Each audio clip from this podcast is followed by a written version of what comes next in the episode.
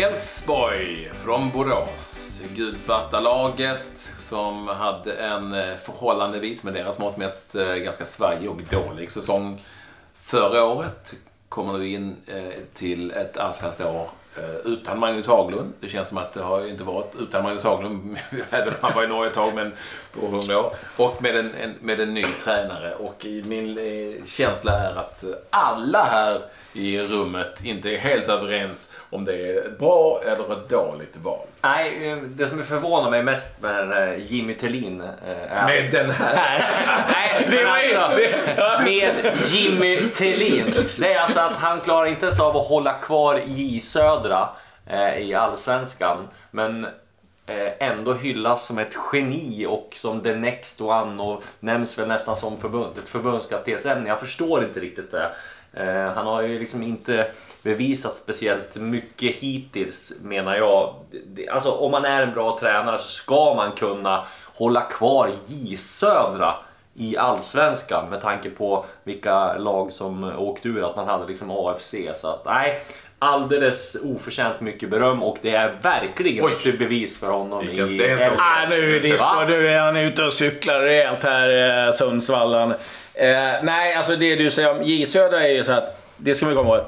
Det är en klubb som hade liksom ja, inga pengar alls. Nej men jämför det med Giffarna. Joel Sergen höll ju kvar Giffarna. Jo, men det var ju någon läggmatch där. Så. Nej, eh, jag tycker han är, är värd all den beröm eh, som han har fått. Han, eh, man har tagit upp eh, J Södra. Eh, Mats Gren eh, var det som var tränare innan och det var på väg att åka ur Superettan. Han hade liksom ungdomslag då i Jönköping Södra. Tog över och eh, ja, gjorde ett strålande och tog upp eh, till Allsvenskan utan att liksom, ha några pengar, några förutsättningar att värva på det. Så jag tycker att det är en tränare som är oerhört spännande, sättet han arbetar eh, med att eh, utveckla det han har. Jag tycker det ska bli jättespännande att följa Elfsborg. Jag tycker att Elfsborg för han också är en bra klubb. För det är liksom lugn och ro, det är inget jättetryck kring föreningen. Eh, vad jag förstått så var ju IFK Göteborg där och eh, eh, sniffade runt en del jo, också. men det behöver inte betyda... Nej, nej, nej, men det är ändå som att om man tittar på klubbval tänker jag med att det är liksom smartare att ta ett Elfsborg ja. som är stabilare än att ta ett Göteborg där det kommer finnas ja, fortfarande det... kravbild på att du ska göra bra med ett lag som inte har förutsättningar. Jag håller inte med Disco alls. Jag tror att eh, Thelin är en riktigt bra tränare och, eh, och kommer göra ett bra jobb i Elfsborg. Mitt råd till Stefan Andreasson är att låta Tobbe Linderoth styra det mesta där. Då tror jag att det kan funka bra. Mm. Det är ju på något vis med Elfsborg, som, det, som det alltid har varit, att det är ju lagom. Vi eh, har ju sett dem göra riktigt bra säsonger när de var lite mindre lagom med Anders Svensson och, och, och den satsningen som var då. Men annars är det extremt mycket lagom. Det vill säga, ja vi tycker att det är väl helt okej okay ändå. Ehm, och om de slutar ja. Eh, femma, tvåa, sjua, femma, nia, eller hur? Åtta i fjol. Åtta i fjol till exempel, som var riktigt dåligt. Ehm, och, och, och ska veta att de har ändå varit bland de fyra bästa dessförinnan i väldigt många år. Fyra, fem bästa hela, hela tiden. Det finns, jag, jag, är inte så eh, tight med tränaren som eh, Klabbe och jag avskyr honom inte heller som du gör Disco. men, men, och jag är inte helt säker på, på, på var han står. Däremot så finns det ju ett spelarmaterial om vi nu ska titta på det som, som underpresterade förra året. Och där finns en spelare som jag tror, om de om han får dem, om Thelin får de spelarna, som Jebali eh, exempelvis. Eh, om han får honom och andra runt kring den här spelaren till att och för, för dem att komma igång, ja men då kan det nog ändå bli rätt bra där på konstgräset i Borås. För att under stunden så vet vi att de ändå eh, sitter med en grund som få lag har. Titta på in och ut i Elfsborg och titta på andra lag så ser vi att Andreasson, är det någonting han kan så är det att skapa liksom någon sorts stabilitet.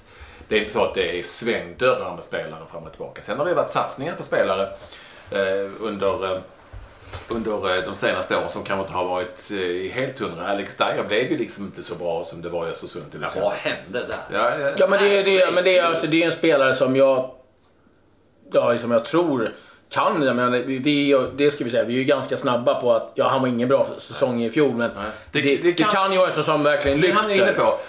Det är klart att, och, och, och, vi vet ju också att Simon Olsson som är extremt lovande säkert kan bli, bli bättre. Stefan Ishizaki kommer ju dit, det är klart inte det blir bättre, men det blir ändå en viss stabilitet. Holmén.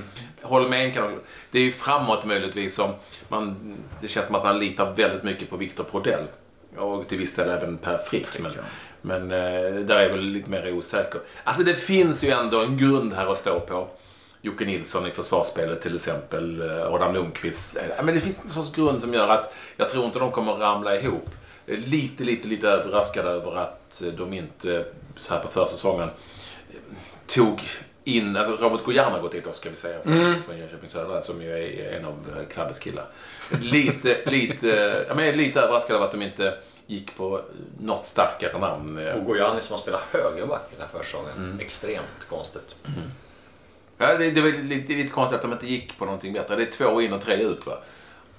Eller? Typ. Lasse Nilsson har ju försvunnit, ja. eh, det ska vi ju nämna. Eh, målskyttar i fjol. Jebali 10, Prodell 9, Frick 7.